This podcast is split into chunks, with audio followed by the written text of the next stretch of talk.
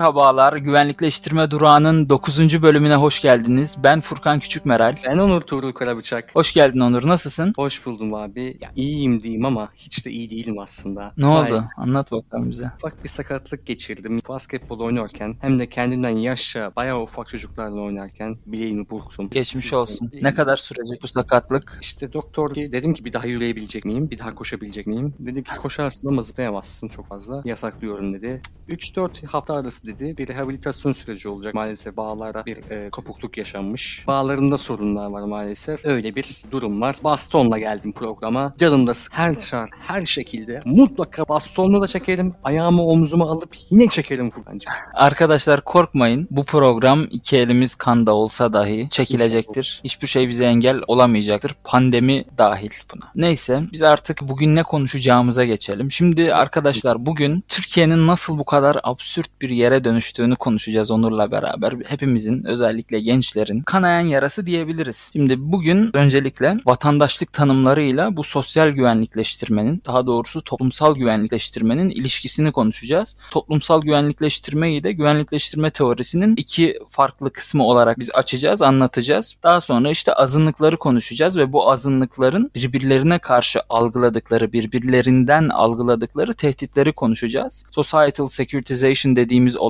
burada devreye girecek. Kimliklerle alakalı bir şey. İlerleyen kısmında sosyal güvencesizlik, toplumsal güvencesizlik karşısında işte bu askere yazılmadır, bir sosyal güvencesizlik, bunun bir ekonomik kısmını, ekonomik güvence sağlamaya çalışmamız, bu konuyu konuşacağız. Buna dair formüllerimiz neler? Daha doğrusu insanlar ne gibi formüller üretiyorlar ve ne gibi sosyal ilişkilere dönüşüyor bunlar? Bunları konuşacağız. Son olarak da Türkiye'de sosyal gruplar üzerinden gerçekleştirilen güvenlikleştirmenin popüler kültüre olan yansımalarını yine konuşacağız. Malum daha önceki bölümlerimizde Kurtlar Vadisi üzerinden biz bu konuyu konuşmuştuk ama buna yine devam edeceğiz bu bölümde de sonunda öyle bir kısa bir bitiş yapacağız. Şimdi Onur biz sen geçen gün bir yazı okumuştun sanıyorum Daktilo 1984'te. Aydan Gülerce'nin bir yazısı vardı ve bu yazıda Türkiye'de her geçen gün biraz daha varoluşa ciddi tehdit algılayarak sıkışmışlık yaşayan yalnızca iktidar değil halk da bu sıkışmışlığı yaşıyor diye bir iddia ortaya attı. Bizce doğru da bir iddiaydı bu. Sen bu konuda neler düşünüyorsun? Bunu konuşacağız. Bununla başlayacağız ama sanıyorum senin önce sorman gereken bir şey vardı. Bir çerçeve belirlememiz için için? Evet, sormam gereken soru şu. İngilizcesi social and societal. Türkçesini kusuruma bakmayın bilmiyorum. Şöyle diyeceğim. Toplumsal ve toplumsalsal. Hmm. Toplumsal ve toplumsalsal güvenlikleştirme arasında bir fark var sanırsam. Bunu senin söylemeni istiyorum. Sen daha güzel söylüyorsun. Lütfen söyle. Estağfurullah. Teşekkür ediyorum bana bu onuru bahşettiğin için. Şimdi şöyle bir şey var. Biz Türkçe'ye güvenlikleştirme teorisi. Hani bunu da doğru düzgün pek çevirmişiz gibi gelmiyor. Ama bu social ve societal farkını hiç çevirememişiz gibi. En azından ben karşılaşmadım bunun düzgün bir çevirisiyle. Şimdi bu insanlar bu Kopenhag Okulu'nun meşhur kitabında şöyle bir farktan bahsediyorlar. Social security,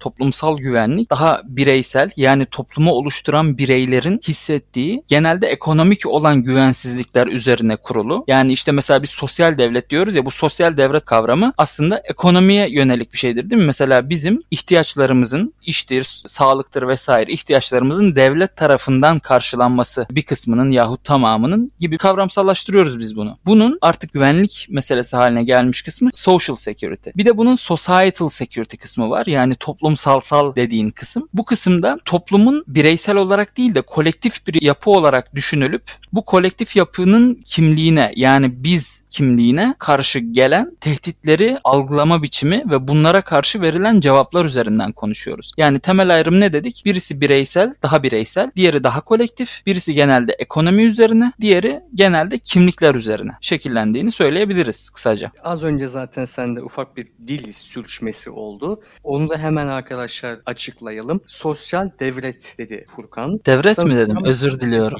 İşlet devlet modelini tartışıyorduk programdan önce önce sanırsam orada bir yükselme. Evet, evet. Maalesef maalesef bu sorunlar bizim canımızı yakıyor ve rüyalarımıza bile girdiği için artık konuşmalarımızı da etkileyebiliyor bazen. Özür diliyorum dinleyicilerimizden bundan dolayı. Evet şimdi Aydan Gülerce'nin yazısından bahsettiğin o ilk cümle aslında yazının tam olarak onun üzerine inşa edilmemişti. Toplumsal çözüm önerisi söyleyeceğim gelecekti. E, bu yüzden yazının beni tetikleyen kısmıydı. Türkiye'de her geçen gün biraz daha varoluşa ciddi. Bu yüzden de bir sıkışmışlık yaşadığını söylüyor. Burada sıkışmışlığı yaşayan da iktidar değil, halk da aynı zamanda. Yani hem iktidar sıkışıyor hem halk bir varoluşsal tehdit algılıyor. Şimdi burada halkı bir aktör olarak alma yaklaşımı var. Bir de halkı da içinde farklı alt gruplara ayırarak ele alma meselesi var. Bunu birazdan gireceğiz. Şimdi senin burada bir sorun olacak. Önce bir onu duyalım. Şimdi e, biz toplumsal sözleşme ile alakalı bazı şeyler konuştuk zaten geçen bölümde. Bir vatandaşlık tanımı yapıyoruz. Biz tanımı yapıyoruz. Bunun toplumsalsal güvenlikleştirme ile ilişkisi nedir? Bize bunu açıklayabilir misin? Yani bir makbul vatandaş kavramı var biliyorsun. Son zamanlarda daha da çok dillendiriliyor. Buna dair şimdi senin fikirlerini istiyorum. Ermeni tehciri yıllarında Falih Rıfkı Atay'ın o yıllara dair Zeytin Dağı kitabı olması lazım. Orada yazdıklarını hatırlıyorum. Bir senin Ermenin benim Ermenim meselesi var. Böyle bir cümleyle açıklıyor bu durumu. Senin Ermenin benim Ermenim demek yani topluca tehcir ediyorsunuz bir azınlığı. Çok da büyük sayıda bir insan var açıkçası orada. Ve o sırada bazı Ermenileri işte devletin bu otoriterleşmesinin, otoriterleşirken bireyselleşmesinin ve bu, bireyselleşmenin getirdiği gayrimeşru veya meşruyu düzene çekmeye çalıştığı mafyatik ilişkiler diyelim, gayrimeşru ilişkiler üzerinden kendi politikasına da aslında kendi söylemine ters hareket ettiği durumlar var. Burada senin Ermenin benim Ermenim yani Enver Paşa'nın ilişki içerisinde olduğu, Cemal Paşa'nın, Ferhat Paşa'nın ayrı ayrı bir takım ilişkiler içerisinde olduğu Ermenileri kurtarmaya çalıştıklarını görüyoruz. Hatta birbirlerinin kurtarmaya çalıştıklarını da suikaste uğrattıklarını orada okuyoruz. Bu örnek üzerinden gelecek makbul vatandaşlık. Makbul vatandaş şu. Ayşe Kadıoğlu'nun da bir makalesinde var. Ünlü bir makale aslında vatandaşlık çalışanlar için. Diyor ki Türkiye devletini arayan millet mi var? Yani devrimsel bir mücadeleyle mi halk vatandaşlığını, yasal haklarını, siyasete katılımını elde etmiş? Yoksa milletini arayan devlet mi var Türkiye'de? Yani devlet kendine vatandaş yaratmaya mı çalışıyor diye. Cumhuriyetin ilk yıllarında evet Türkiye'de devletin kendine vatandaş bulmaya çalıştığını, bir vatandaş yaratmaya çalıştığını, kendisi idealleştirdiği sınırları yasal olarak tanıyor ve vatandaşların da yani bu vatandaş kalıbına uymasını sağlamaya çalışıyor. Yani tıpkı futbolda bir takımı ortayı kapatıp onu kenarlara çizgilere itmek gibi bir şey aslında. Buyur Furkan. Şimdi bu senin dediğin muhabbet bir yere denk geliyor. Bizim günlük muhabbetlerimizde de. Şimdi bir hani bu sosyal gruplar görünürlük kazanmaya çalışıyor ya. Bu görünürlük kazanılıyor mu yoksa devlet eliti tarafından veriliyor mu? Sen ne düşünüyorsun bu konu hakkında? Çok güzel nokta. Türkiye'de Ayşe Kadıoğlu'ndan anladığımız kadarıyla görünürlük kazanılmaz verilir. Makbul vatandaş kavramını biraz çarpıtalım arkadaşlar. Şöyle yapalım. Dedik ya devlet vatandaşını arıyor. Belli bir sınır çiziyor. Ona uyulmasını istiyor. Buna aslında uymayabilen insanları da bu kalıbın içindeymiş gibi gösterebiliyor ya da istediği grupları alıp güç sahnesine, medyaya öne atıyor. Bu doğrudur, bunlar doğrudur diye. Bunu bazen istemsiz, bazen de planlı olarak yapıyorlar. Mesela buna çok çarpıcı bir örnek neydi? Tayyip Erdoğan'ın sanırım o zaman henüz başbakanken bir mitingi var Güney, Güneydoğu Anadolu veya Diyarbakır'da. Orada diyecek ki sanırım o zaman açılım dönemleri konuşuluyor. Anlatarak söylüyorum arkadaşlar. Kürt aşağı Kürt yukarı. Al sana bir Kürt, bir Kürt daha. Bu da Kürt tarzında oradaki sanırsam milletvekili adaylarını kürsüye çıkarıp halka tanıtması süreci vardı. Sanırım esprili bir şekilde. Bu sosyal medyada geçtiğimiz yıl çok viral olmuştu ve aslında enteresan da bir yaklaşımı böylece gösteriyordu. Yani şöyle söyleyelim. Türkiye'de yapılmış HDP'nin, Halkların Demokratik Partisi'nin iktidar tarafından, iktidar partisi tarafından güvenlikleştirildiği ve bu şekilde seçimlere gidildiği bulgusu vardı. Bu analiz üzerinden baktığımız zaman sahneye çıkarılan Kürt vatandaşların, milletvekillerinin seçildiği, makbul vatandaş olduğu yani nedir? Muhafazakar, iş yerini AK Partili yürüten, görünürlüğü tutucu olan vatandaşlar oldu. Diğer HDP'lilerin ise dışlandığı, hatta bazen kendi etnik kimliklerinden de dışlandığı, yani bu adam Kürt bile değil denilerek karşı çıkıldığı, terörist gruplarla eşleştirildiği bir söylem söz konusu. O söylemin çok fazla detaylarına girmeyiz. Orası konumuzu uzaklaştıracak. Fakat burada ne dedik? Makbul vatandaş ve görünürlük. Bu görünürlüğe şimdi azınlıklar diyelim giyiyoruz değil mi? Azınlıklar üzerinden aslında yani şöyle diyelim mesela dini gruplar, dini tarikatlar değil mi? Cumhuriyet döneminde bunlar yasaklanmış, kapatılmıştı. Şu anda serbestler ve şu anda Türkiye'de politik teolojiye yani dini grupların siyasete katılımında bir oy potansiyeli olarak görülmesinde elimizde veriler de var. Çok net bir şekilde görüyoruz ki bu gruplara aile şekilde oynanıyor ve e, bunlar görünürlük kazan, kazanmıyorlar. Bunlara görünürlük veriliyor. Mesela Cübbeli Ahmet Hoca olarak tanıdığımız bir dini grup liderinin televizyonlarda konuştuğunu ama İsmaila cemaati olarak bildiğimiz bir dini grubun liderinin televizyonlara çıkmadığını fakat onunla ilişkili iltisaklı insanların siyasete atıldığını bu tip ilişkileri biliyoruz. Geçmişten beri biliyoruz. Türkiye değişik süreçlere de geçti burada. Burada ne görüyoruz efendim? Bu dini grupların isteği sonucunda mesela onlardan oy potansiyelini kaybetmemek için İstanbul Sözleşmesi'nden çıkıldığı argümanı var Türkiye'de. Ben bu argümanı şahsen geçerli buluyorum. Bunun sebeplerinden bir tanesi durduk yere gerçekten de çoğunluğun azınlığı diyebileceğim yani iktidarın kendine makbul gördüğü azınlığın yani bu dini cemaatlerin istemediği bir sözleşme ve toplumsal arenada tartışma çıkmasını istiyorlar bununla. Bundan bir kazançları olacağını düşünüyorlar. Bunun karşısında da azınlığın çoğunluğu yani muhalif kitleyi daha az bir kitle olarak ele alırsak Türkiye'de. Bu arada aynı zamanda sadece muhalif kitle İstanbul Sözleşmesi'ni savunmuyor. Yani buna şunu diyorum o yüzden. Azınlığın çoğunluğu. Hani azınlık içerisindeki yüksek bir gruptan bahsetmiyorum. Azınlık olarak adlandırılan kadınların, kadın hakları savunucularının çoğunluğu olarak söylemek istiyorum. Yani toplumun aslında çoğunluğu tekabül ediyor bu. E, politik teolojinin yarattığını düşündüğü vatan ya da yaratmak istediği vatandaş ile çatışması sonucu böyle bir İstanbul Sözleşmesi'nden çıkış, onun yerine Ankara Sözleşmesi konulması gibi bir iddia mesela görmüştük. Bu bana çok çarpıcı gelmişti. Bunun çok çarpıcı, makbul vatandaşın çok çarpıcı örneklerinden bir tanesi. Buradan da azınlıklar ve birbirlerine karşı algıladıkları tehditlere geçebiliriz. Azınlıklar sadece etnik azınlıklar değil arkadaşlar. Azınlık dediğimiz zaman dini azınlıklar da var. Az önce söylediğim gruplar var. Bunlar çoğunluk olabilirler. Cinsiyeti burada düşünebiliriz. Cinsiyeti azınlıkmış gibi davranmak. Mesela LGBT grubuna Türkiye İçişleri Bakanlığı tarafından yok sayıldığını gördüğümüz söylemler yaşandı. Boğaziçi protestoları sırasında. Henüz bu yıl. Buna işte Furkan'cığım toplumsal sal güvenlikleştirme diyebiliriz. Yani bu unsurlar diyorlar, bu yapılanmalar diyorlar. Toplumsal kimliklerin, insanların yeni dönemde bireysel olarak ilan ettikleri kimlikleri bir organizasyon tarafından ilan edilmiş gibi yansıtıp onların toplumun tutucu kesimlerinin varlığına tehdit olduğunu, eğer onlara izin verilirse toplumsal varlığın bizi biz yapan değerler dedikleri dediğimiz denilen şeylerin ortadan kalkacağını, öleceğini, dolayısıyla toplumun kendini sürdüremeyeceğini leit motif olarak bunu söylüyorlar, iddia ediyorlar. Buna işte biz toplumsalsal güvenlikleştirme diyoruz. Ne oldu? Bu söylem karşılığında toplumun tutucu İslami kesimleriyle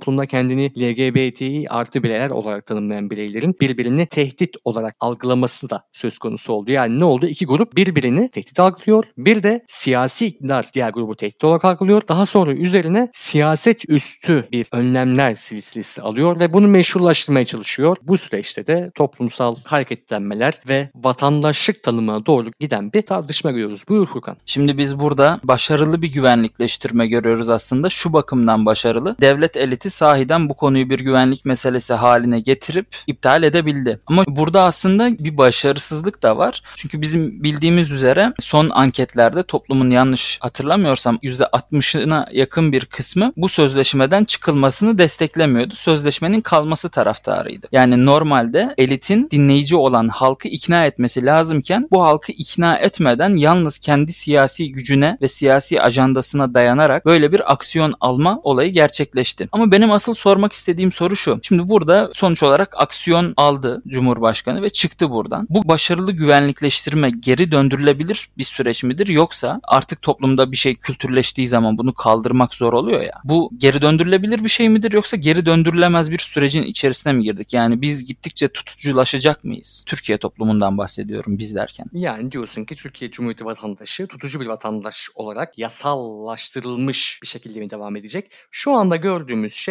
aslında yasada yazılmamış fakat hukukun tabi bağımsızlığını Türkiye'de göremediğimiz için artık objektif bir yorum bu. Pratikte, hukuki pratikte çok fazla sayıda vatandaşın, makbul vatandaşın tutuculaştığını ve muhafazakarlaştığını yani iktidarın da devam etmesini sağlamak istediğini görüyoruz. Bu yönde vatandaşların makbul olduğunu görüyoruz. Fakat bu henüz anayasallaşmadı. Bu yüzden henüz böyle bir durum olduğunu söyleyemiyoruz. Fakat tabii böyle bir durumun olabilmesi gayet mümkün. Dediğin üzerinde bir de şunu eklemek istiyorum. Beni programımızın takipçileri biliyorlardır. Postmodern kavramları sürekli kullanmaya çalışıyorum. Bayılıyorum bu kavramlara. Bunlar olmadan yapamıyor. Şunu demek istiyorum arkadaşlar. Toplumdaki bu başarısızlık, başarısız güvenlikleştirme yani toplumun büyük bir çoğunluğu İstanbul Sözleşmesi'ne çıkılmasına karşıydı. Fakat bu şöyle sunuldu. Tabandan gelen bir talep. Buna ben taban yaratımı taktiği veya uzun vadede stratejisi diyorum. Taban yaratımı ile beraber güvenlikleştirilmenizin başarılı olduğunu söylüyor ve bütün medya organlarına bu başarılı güvenlikleştirmenin iyi yanlarını, nasıl başarılı olduğunu aktarıyorsunuz ve bütün medya organlarında yani görünürlükte, toplumsal görünürlüğün bir numaralı mercisi olan medyada bu güvenlikleştirme başarılı olmuş gibi lanse ediliyor. Böylece çoğunluk olduğundan haberi olmayan kitleler sindirilmiş oluyor. Bu tabi halkın gerçekle bağını zedeliyor. Bir yandan da hükümetin, iktidarın, siyasi, meşru siyasi kurumların, yasal kurumların halkla arasındaki bağı koparmış oluyor arkadaş. Bu lütfen. Şimdi biz toplumsalsal yani societal security bu konuyu konuştuk. Kimlikler üzerinden insanların daha doğrusu kimliklerin birbirlerini güvenlikleştirmesi yahut elitin belli başlı bazı kimlikleri güvenlikleştirmesi işte LGBT'yi, Kürt kimliği vesaire vesaire belli başlı toplulukların kimliklerini güvenlikleştirdiğini gördük. Bir de toplumsal, social yani bizim daha çok ekonomik dediğimiz güvenliğin içeriğini konuşmamız gerekiyor sanırım. Bu sosyal güvencesizlik karşısında insanlar kendilerini nasıl güvenceye almaya çalışıyorlar? Bunun formülü nedir? Ve bunun sonuçları nelerdir? Bu beşli çete vesaire olaylarından falan da bahsederiz diye düşündüm. Sen ne düşünüyorsun bu konu hakkında? Rantiyer devlet diyorsun.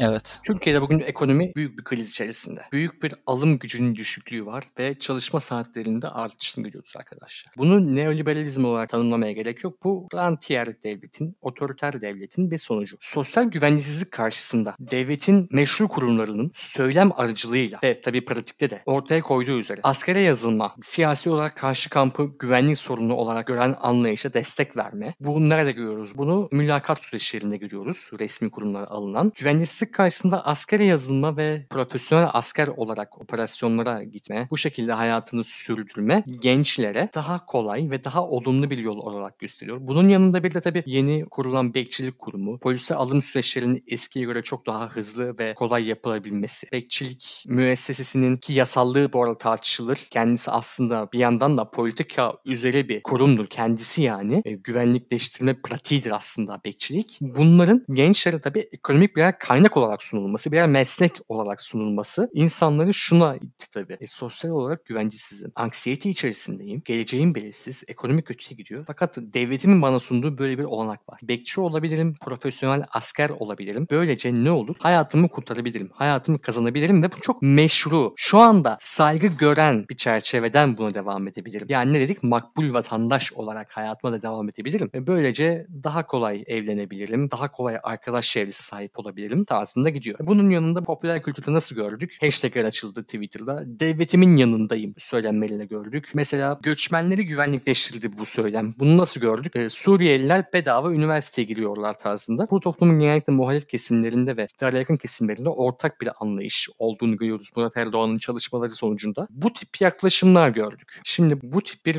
güvenlikleştirici söylemin nasıl da vatandaşlığa ve toplumsal düzene yansıdığını bizlere aktarıyor. Bunu mesela daha yeni milli takım maçlarındaki medya tutumunda gördük. Milli takım gol yedi İtalya karşısında. Mesela milli takımda birçok oyuncu var. Bunların hepsini biz milliyetçiliği ve bu az önce anlattığım politikanın destekçisi olarak görmüyoruz. Mesela Merit Demiral kendisini buna yakın hisseden bir oyuncu. Savaşçı ruhlu bir oyuncu. Kendisini daha asker üzerinden tanımlayan bir oyuncu. Ve golde tabii Melih'in kendi kalesine attığı golde Erdoğan Arıkan dedi ki sen hiç canını sıkma Melih. Sen bu vatan için, bu ülke için neler yaptın? Bize bu yeter tarzında az çok buna yakın bu kelimeyi kullanarak bir söylemde bulunmuştu. Bu doğrudan doğruya tabii maçı izleyen insanlara yapılan bir sesleniş aslında. Bunun ben tamamen ideolojik olduğunu düşünüyorum. Lütfen Furkan. Şimdi biz burada e, bizim çocuklar olarak adlandırıyoruz bunu. Bölümümüzün başlığında da bu kavram yer alacak mutlaka. Şimdi bu bizim çocuklar diyoruz ya. Bizim çocuklar derken bir biz tanımı var. Bu dışlayıcı bir tanım. İster istemez doğal olarak doğası gereği dışlayıcı olmak zorunda ama Türkiye'de biz bu programı kapatırken bu yaratılmaya çalışılan bizim bir tanımını yapmamız gerekiyor bence. Nedir bu tanım sence? Sen e, bir fikir ortaya at. Ben de bunun karşılığında kendi tanımımı ortaya koyayım ve yavaştan istersen bölümümüzü kapatalım. Artık sona yaklaşıyoruz. Sen bu bizi nasıl tanımlarsın? Şu an makbul vatandaş kimdir ve ne gibi özelliklere haiz olması gerekiyor? Bence şu an makbul vatandaş vatandaş, değerler dediğimiz bu ailevi değerler. Bir kere düz heteroseksüel erkek, ev hanımı, sürekli söylenen bu üç çocuklu aileye sahip, militarist, milliyetçi, belli oranlarda dindar, dini cemaatlere olumlu gözle bakan ve iktidarı eleştirmek konusunda, gücü eleştirmek konusunda çekingen duran bir bizim çocuklar olduğunu ben düşünüyorum açıkçası. Ve hani bizim çocuklar diyoruz fakat bizim çocuklar derken toplumun mesela muhalif kesimlerinin, TRT'nin yayıncılığından memnun olmayan kesimlerinin ya bunlar bizim çocuklar falan değil, benim çocuklar değil diyerek aslında tetiklenmesine de bir yandan öngören bir söylem olduğunu düşünüyorum bunun. Bizim çocuklar içerisinde hiç Türkiye'de büyümemiş, yetişmemiş çocuklar da var. Mert Müldür son İsviçre maçının kahramanlarından. Mesela kendisi bu anlattığımız makbul bizim tanıma çok da fazla aslında uymuyor. Fakat hani bunun en belirgin örneği aslında Merih Demiral diye düşünüyorum. Kendisi orada e, sevdiğim bir futbolcudur. Kariyerinde başarılar diliyorum. Yanlış anlaşılmasın. Politik bir tutum takınmıyorum. Sadece analiz yapmaya çalışıyorum. Sen ne düşünüyorsun Furkan? Bence Alpay Özalan bu konuda tam ideal örneğimiz.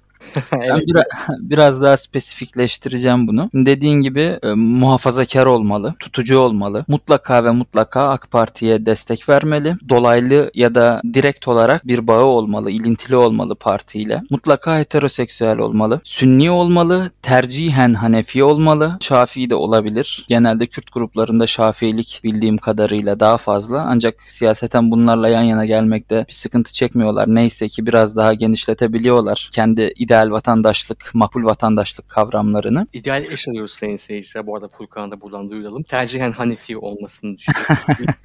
Hiç böyle bir talebim yok. Ben gayet kapsayıcı, her şeye açık bir bireyim. Burada yanlış yönlendirme yapmayalım. Evet, Twitter'dan Furkan Küçükmerel'e sevgili dinleyenlerimiz talip olan varsa dediğimiz gibi Hanefi, Sünni, Şii de olabilir. Furkan çok sıkı değil. Ulaşabilirsiniz arkadaşlar. Furkan teknikleri açık. Böyle utangaç yurduna bakmayın. Buradan da bu işi bağlamış olalım Furkan ya. Annen oradan bizi dinliyor. Şimdi kadıncağız da sevinmesin mi?